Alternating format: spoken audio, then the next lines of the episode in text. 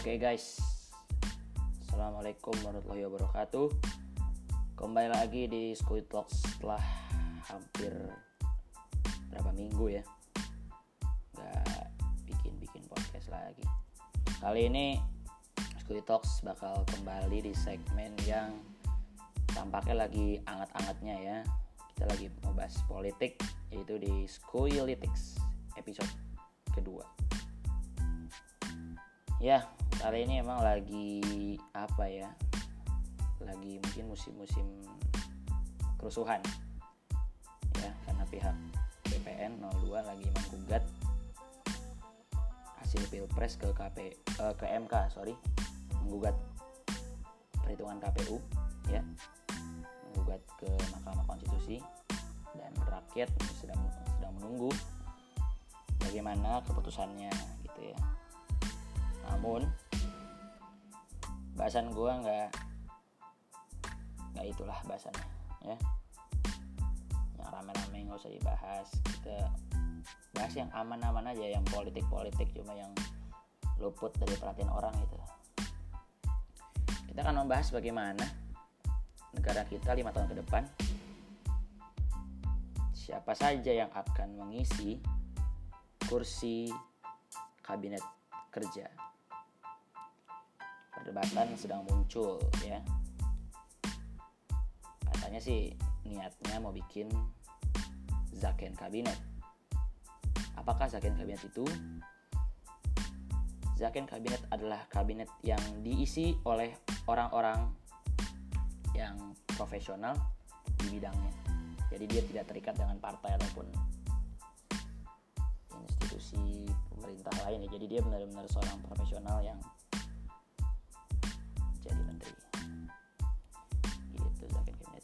ini ada sangat ada gini. Saya juga nggak tahu ya presiden terpilih ya. Apakah melakukan atau pernah ngomongin masalah ini? Pak Jokowi kita belum tahu juga. Makanya episode kedua ini akan gue kasih nama Zaken Kabinet Partai Kecewa kita akan bahas. Let's go. Oke, kali ini kita tadi akan bahas ya bagaimana Zaken Kabinet ini apakah bisa dilakukan pada masa-masa sekarang ini ya. Karena dulu juga kan Zaken Kabinet ini ya pernah juga bahkan sudah dilakukan pada zaman demokrasi parlementer ya yang zamannya banyak perdana menteri itu. Salah satunya ada kabinet Juanda terus juga Natsir juga pernah melakukan itu ya. Cuma itulah. Itu kabinet Zaken tuh memang sejatinya memiliki kemungkinan bersih karena dia tidak ada ikatan dengan partai-partai. Tapi juga apa ya kalau Zaken ini lebih gue pikir sih ya itulah alasannya kenapa nggak bertahan lama karena ya pasti yang namanya pemimpin ya dia bisa naik jadi kan karena ada orang-orang belakangnya partainya itu kan. Yang pasti lah ya alami ya manusiawi kalau minta bagian gitu jadi menteri kan. Karena kalau kita berkaca pada tahun lalu sih. Saya dari 14 ya periode pertama 34 menteri itu ya 20 sih tokoh partai gitu. Jadi berarti profesional ya. Nah 14 itu sisanya baru dibagi-bagi partai politiknya. Jadi ya hmm, mungkin aja sih Zaken ini dilakukan. Cuma ya kayak gitu sih. Bener-bener akan tahan lama gitu. Karena pasti bisa aja namanya partai kan. Kita nggak pernah nggak ada ya istilah politik itu. Musuh abadi ya. Teman abadi nggak ada. Bisa aja 4 2019 di sini 2024 pindah kan. Saya kita berkaca dari 14 aja Golkar bisa pindah ya kan. Sekarang kayak Demokrat pun dia abu-abu kan mungkin aja. Mungkin aja bisa berpeluang sih dapat kursi partai gitu. Kalau kita berpikir nih banyak sih ya nama-nama kayak yang sekiranya muncul gitu ya misalnya kayak Erick Thohir ya. Dia orang penting dalam pemenangan Pak Jokowi TKN ketuanya ketua badannya nama-nama lagi muncul kayak Yusril Yusril yang baik lagi jadi menteri nih. Langkahnya pindah haluan di detik-detik. Nggak terakhir sih. Yang lebih kaget lagi sih kayak muncul nama-nama seperti Ahok. Menarik. Tapi dia bilang katanya ragu untuk berpolitik kembali ya. Butuh waktu. Saya nggak tahu dia langsung apa enggak Sri Mulyani adalah salah satu profesional ya. Dia tidak terikat partai. Ini yang paling tahan lama Sri Mulyani. Terus kita lihat lagi ada nama-nama yang dulu-dulu sih ya banyak kan pun orang partai sih. Misalnya kayak nama-nama hmm, nama-nama kayak si ini nih bahkan Hadi Makarim pun muncul ke permukaan ya nama-namanya mencuat. Oke. Patut ditunggu. Nama-nama seperti ini yang gimana yang bakal muncul. Sekarang kita juga iya nama-nama orang partai pun sekarang udah mulai bermunculan gitu kayak nama-nama orang baru. Misalnya kayak Abdul Kadir Karding katanya. Dia cukup vokal. Akhir-akhir ini ya di masa-masa pemilu ini, politisi PKB Waketum TKN Jokowi Ma'ruf. Rosan Ruslani ini apa ya? Ketua apa ya? HIPMI apa Kadin ya? Pokoknya Rosan-Rosan lain ini juga dia waketum TKN juga.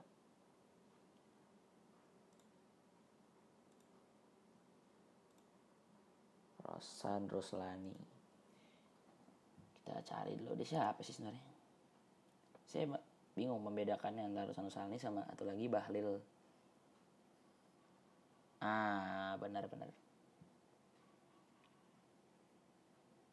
dia ini benar dia kepala kadin Kadin itu adalah kamar dagang industri. Namanya Kadin, ya.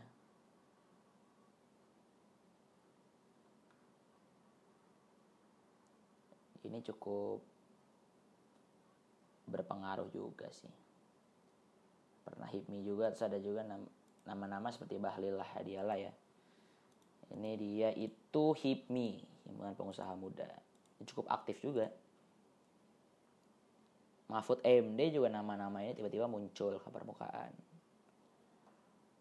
Cukup menarik ya Mahfud MD. Apakah dia mampu? Sebenarnya mampu sih pasti mampu ya Mahfud MD kita tahu pengalamannya. Cuma kalau untuk di bidang-bidang kementerian ini gimana ya kalau Menkumham sih cocok gitu ya. Cuma nama-nama yang katanya Mahfud MD menjadi menteri agama. Waduh. Itu mungkin hoax kali ya. Karena tempat yang pas untuk Mahfud MD ya, ya Menkumham ya kan. Atau Menkum, Menko Polhukam. Masih nama-nama gitu aja. Mahfud MD cukup capable untuk masuk ke situ. Lagu muncul-muncul lagi nih Renald Kasali katanya ya ini nama-nama yang sudah terkenal ya Lana Kasali ya kita tahu lah dia profesor ya mungkin bisa ditaruh di Menteri Kebudayaan apa Mendikbud kita nggak tahu juga selagi orang-orang partai lain ini nama-nama muncul dari selain Abdul Kadir Karding ada juga Hanif Dakiri mungkin bisa bisa dipertahankan. PDIP saya rasa masih ya. Masih sih. Ya Luhut Binsar jangan tanya lagi tapi Agung Gumelar nih. Dengar-dengar katanya berpeluang juga jadi menteri. Agung Gumelar ini dia one team press ya terakhir ya. Dewan Pertimbangan Presiden. Kita nggak tahu juga gitu. Tapi nama-nama yang lain misalnya kayak Puan Maharani. Nah ini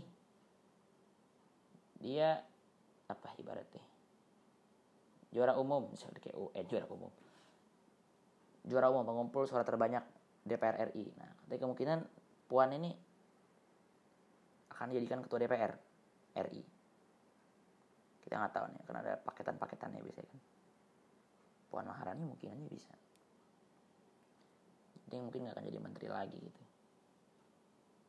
Mungkin nama-nama yang muncul ya yang kita apa yang sering kita dengar saya Agus Harimurti Yudhoyono AHY katanya. Mau jadi menteri akan jadikan ya kalau mau sih nggak tahu mau apa enggak ya kan. Tapi kalau tahun pasti mau lah. Kemungkinan akan jadi menteri. Oke. Patut ditunggu juga ini kira-kira saya rasa nih ya kalau mau kayak gini-gini nih mau jabatan yang nggak banyak berubah sih saran gue jaksa agung sih harus diganti ya. Karena katanya sih ya beresiko aja gitu lah. Maksudnya ini bukan hanya perkataan oposisi cuma ya penguasa apa ya ini harusnya apa ya objektif lah. Jaksa agung ini orang partai gitu kan. Meskipun dia pernah jadi jaksa agung muda ya cuma dia istilahnya dia orang partai yang jadikan menteri itu. Jadi Nasdem Muhammad Prasetyo ini kurang etis lah. Sebaiknya diganti sebaiknya diganti. Lalu Panglima TNI katanya mau diganti. Selama ini Marsikal Hadi sih oke fine fine aja mungkin nama presiden. Cuma ada katanya ada. Ya ini namanya namanya juga lima tahun nih kita nggak tahu kan pensiun kapan aja ya kita nggak tahu juga nih Marsikal Hadi mungkin dia bisa dipensiunkan bisa pensiun. Ya Jenderal Gatot aja pensiun juga nggak sampai selesai kan? Belum saatnya pensiun beberapa bulan beberapa hampir setahun apa ya? Dipensiunkan kan jadi mundurkan diri. Jenderal Adika Perkasa Kasat. Katanya akan dijadikan menteri eh menteri sorry panglima TNI kalau Kasat tinggal naik doang sebenarnya sih kan Kapolri saya rasa Jenderal Tito aman lah masih mau ditunjuknya lompatnya banyak. Masa iya nggak lama? Pasti lama. Lalu ya nama-namanya nggak banyak ini sih. Rodiantara masih di Menkominfo dia. Waduh. Rodiantara semua di tahan-tahan semua. Saya sosmed ditahan-tahan. Waduh kita ngeliat nama Wiranto sih nggak tahu nih Wiranto nih ya.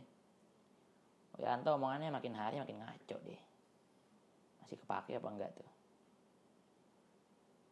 Kita nggak tahu juga ya. Tapi nama-nama yang bertahan kan kayak Susi wah. Menteri Legend ya Budi Karya. Mungkin masih nggak berubah. Cuma nama-nama ini agak mengganggu ya PSI ini kok kebagian ya katanya ada.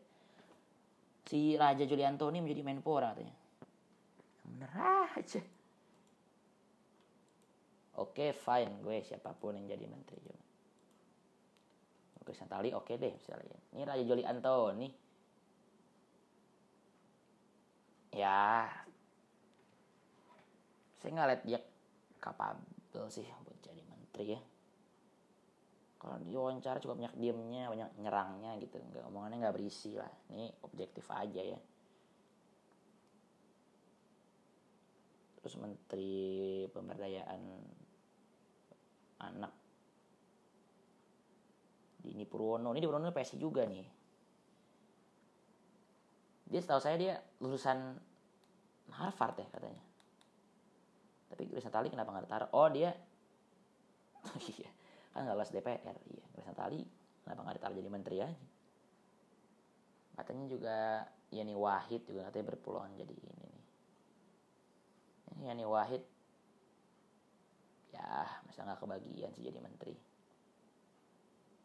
Karena ini kita nama-nama ya suka muncul-muncul aja kan kita juga nggak tahu nih bener atau enggaknya ya kan? Namanya itulah. Namanya apa? Menteri-menteri mah ya bisa di ini inilah. Bisa dibikin-bikin nama orang kan namanya juga belum ada nama pasti kan. Cuma ya kita hanya menduga-duga aja ini nggak susun. Nggak nggak susun sama sekali. Cuma kan pengen tahu aja. Nama-nama itu emang mencuat ya kan akhir-akhir ini. Karena dia emang aktif gitu loh. Ya pastinya aktif itu kan pasti kan membantu pemenangan. Ya minimal dapat jabatan ya kan. Jadi menteri itu jadi apa. Jadi zakon kabinet ini unlikely ya. Nggak akan dan nggak jangan nggak akan deh. Kurang mungkin bisa terjadi. Saya berani bertaruh 30 60 tetap pasti partai akan kebagian. Sama banyaknya. Karena MPR DPR aja ribut nih kan? MPR DPR ribut. Masalah itu ini segala macam ya kan? Puan di DPR tapi katanya si PKB si Cak Imin katanya minta jadi ketua MPR tapi katanya Golkar peringkat dua ya kan? Di peringkat dua maksudnya di koalisinya ya. Dia PKB peringkat tiga kan? Nah, Golkar minta jabatan juga mau jadi ketua MPR jadi ini yang agak membingungkan waduh gitu loh. Yang emang agak-agak waduh nih ini nih. Rebutannya ini kadang-kadang gitu. Asal jangan PSI yang PSI udah rebutan. Lah ngapain rebutan?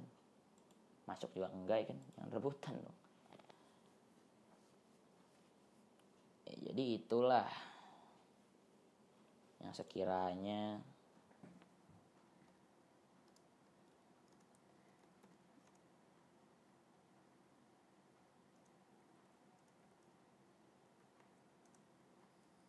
Oke, coba kita mau nyari-nyari lagi nih ya. Berita-berita tentang pemilu nih. Langsung nih cari calon menteri-menteri Jokowi. Ya. Muncul lagi nama-nama susunan yang agak berbeda. Dapat lagi nih gue dari suar.com nih katanya hoax hoax bagaimana? Nama-nama lain muncul coba ya Oke, Lut Binsar Panjaitan muncul namanya ada. Di sini Cak Imin justru tukar nama si Puan itu jadi Menteri Pembangunan Kebudayaan, Menko PMK atau Menko Kesra lah bahasa zaman dulunya gitu ya. Sri Mulyani katanya naik jadi Menteri Perekonomian. Muldoko jadi Menko Maritim. Waduh. Ini jabatannya putar-putar aja ini. Eko Putro Sanjoyo. Ini menteri apa? Desa ya. PDT jadi menteri PPN kepala Bapenas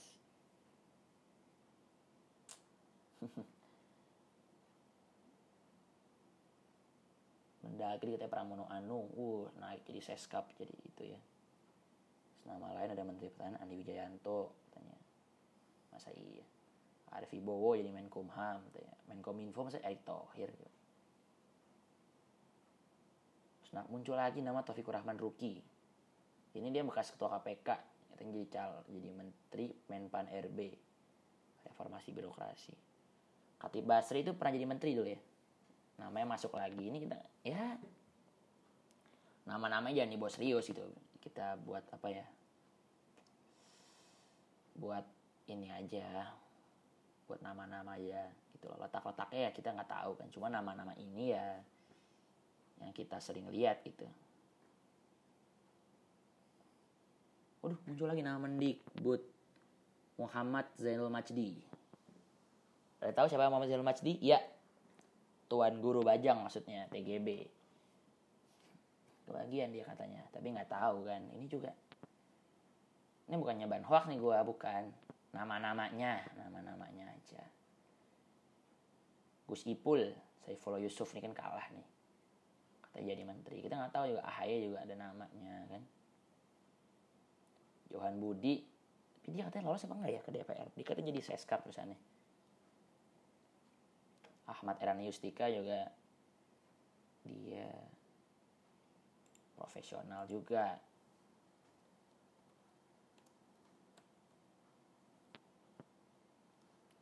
Dia nama-nama yang cukup profesional juga lah ya. Ahmad Erani dia emang dia emang punya background di bidang desa sih. Dia emang ahlinya dia il, ekonomi dan studi pembangunan FE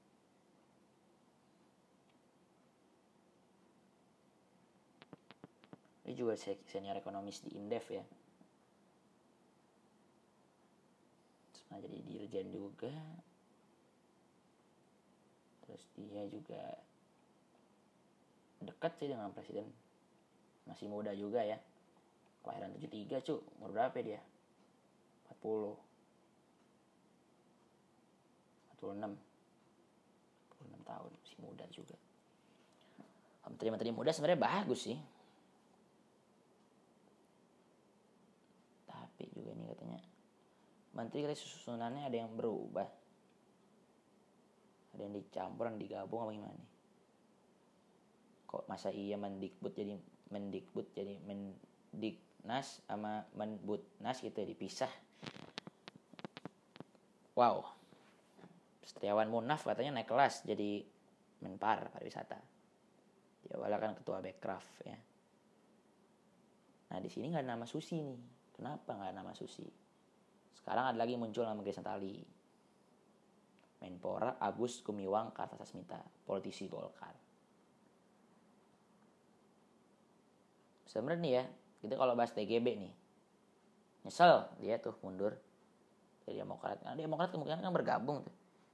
Dalam mati ngapain mundur ya kan? Aja dipindah partai lagi. Repot jadinya kalau pindah partai lagi.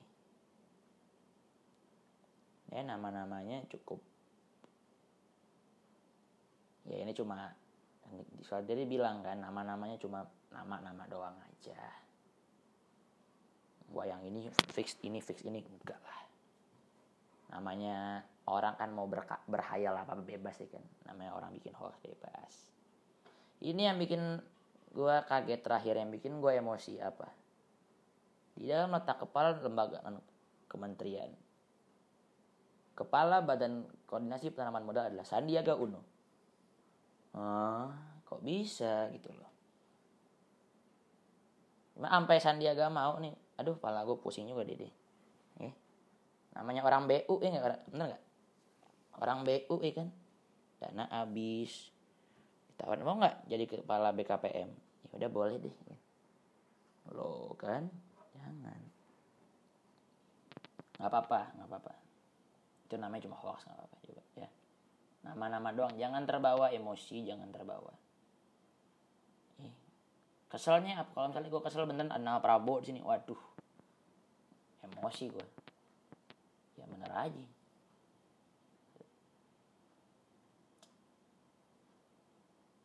Ada lagi nama-nama nih misalnya si Ilham Utama dokter itu ya. Nama Abdul Abdul Gofar Rozin. Ada juga nama-nama kayak si siapa namanya nih? Frankie Sibarani ini dia pernah jadi kepala BKPM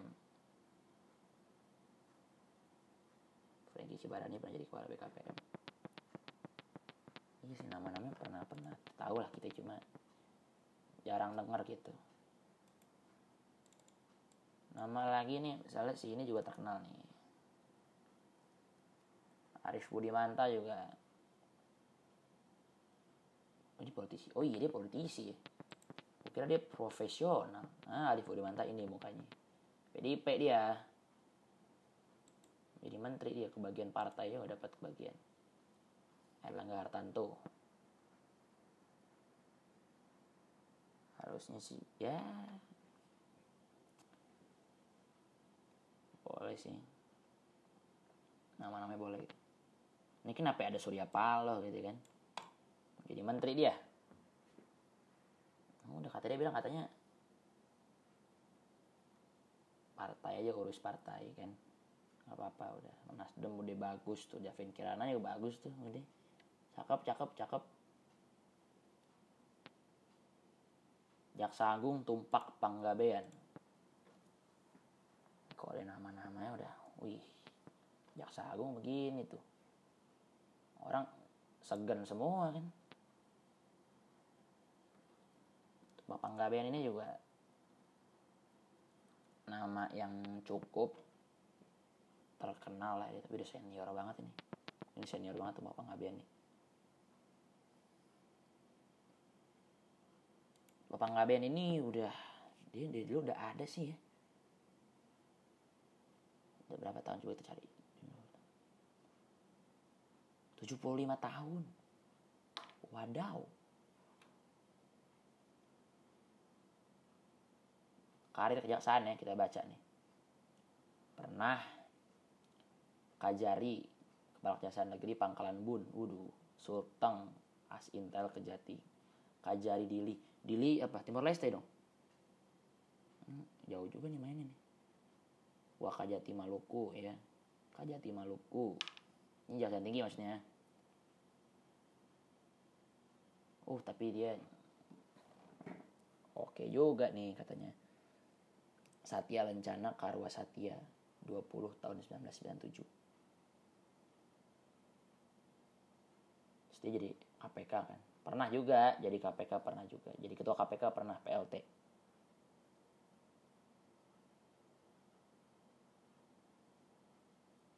pernah jadi ketua KPK wakil ketua KPK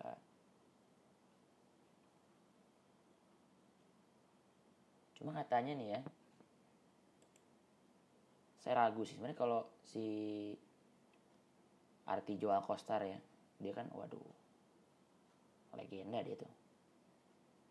Kira-kira dia mau nggak tuh kalau bisa jadi masuk ke dalam susunan kementerian karena saya rasa nih ya dia paling lurus tuh dia.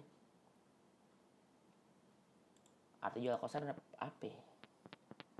dia yang paling kita gimana ngomong ya pokoknya dia lurus ya gitu pokoknya lurus-lurus aja gitu. Emang dia bener-bener apa ya keputusannya kontroversial tapi bagus gitu kan.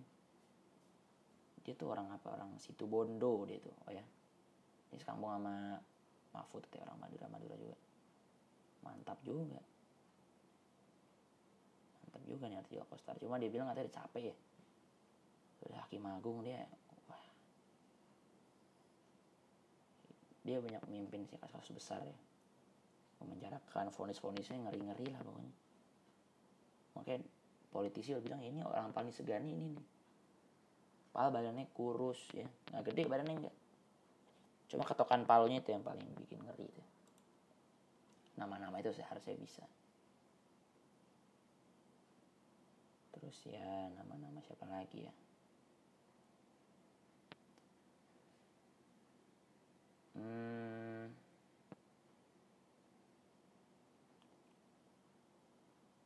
Ya, mungkin sih segitu aja kali ya. Nama-namanya udah gue sebutin semua sih ini. Cukup nama-namanya sih ya banyak yang ya banyak yang membantu pemenangan juga. Emang orang-orang TKN pasti kan ya udah jangan TKN BPN juga sama kalau misalnya gitu kan. Pasti minta bagian lah ya kan segala macam demi menurut apa? Ya mereka juga kampanye kan pakai duit juga kan partai keluar uang juga. Bagaimana tuh kader-kader bisa balikin uang kan begitu.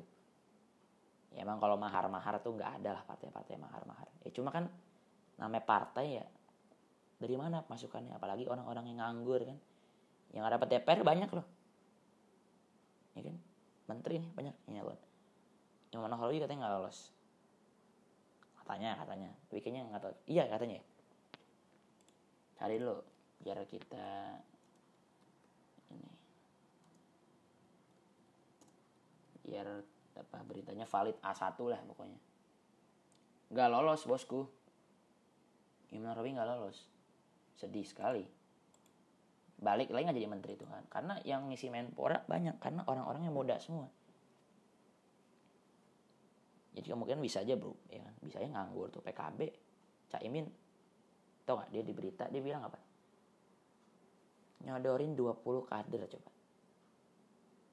Ya maksudnya bukan 20 20 jadi semua enggak tapi ya memang ada lah pak katanya. 5 lah 6 lah kan. Emang si Caimin ini emang apa ya agak BM gitu agak BM gitu. Ya mungkin dia suka ngancam bisa ngancam bisa aja kan ya ya apa kan saya udah bantu-bantu PKB udah nyodorin Kiai Ma'ruf kan gitu udah bantu-bantu. Kata Jawa Tengah kan menang karena saya. Bisa ya begitu? Jawa Tengah Jawa Timur menang karena PKB sebenarnya kita akui ini dia punya peran besar juga PKB tuh. Ya nggak salah sih dia minta gitu. Cuma ya lucu aja kalau si Caimin minta-minta gitu. Masih ada jatahnya ada kok. Katanya mau jadi ketua MPR kan. Bisa bisa. Apalagi Caimin juga ini dia nama-nama ini kayak possible deh masuk 2024 kata Caimin ya belum tua-tua banget 2024 itu loh. Katanya sih mau nyapres ya kan. Lawannya paling Bang Sandi gitu kan. Bang Sandi gitu ya, AHY kan. Lawan-lawannya itu, itu ntar yang muncul-muncul Kang Emil ya kan 2024 Prabowo naik lagi. Aduh agak nggak tahu deh gue ini gimana itu. Empat kali loh bosku. Masih bisa nggak tuh? Kita nggak tahu gimana kan oke nanti kelanjutannya kita tunggu aja. Pokoknya ya sampai sejauh ini hormatin aja dulu apa yang ada. Ya sengketa kasus milu serahkan semua pada MK kita tunggu hasilnya gimana. Bahasan ini cuma bahasan ya iseng aja. Ya kan karena kan namanya menjabat lagi kan kemungkinan ini. Kita nggak tahu MK nolak apa enggak kan. Tapi sejauh ini ya jadi lagi kan Jokowi jadi lagi nih. Inilah nama-namanya. Kira-kira jadi menteri. Kita biar tahu juga. Nanti dia menteri kan bukan menteri buat Jokowi doang menteri buat kita Indonesia ya enggak? Jadi ya biar sama-sama tahu aja orang-orangnya siapa. Ini gue sebutin nama-namanya biar kita cari tahu aja. Oh ini dia siapa dia siapa. Biar tahu ininya gitu. Karena tahun lalu juga kan 2014 juga kan punya nama-nama nama-nama apa titipan lah istilahnya kan oke udah selesai oke thank you banget assalamualaikum warahmatullahi wabarakatuh Squeletics membahas politik secara unik dan menggelitik.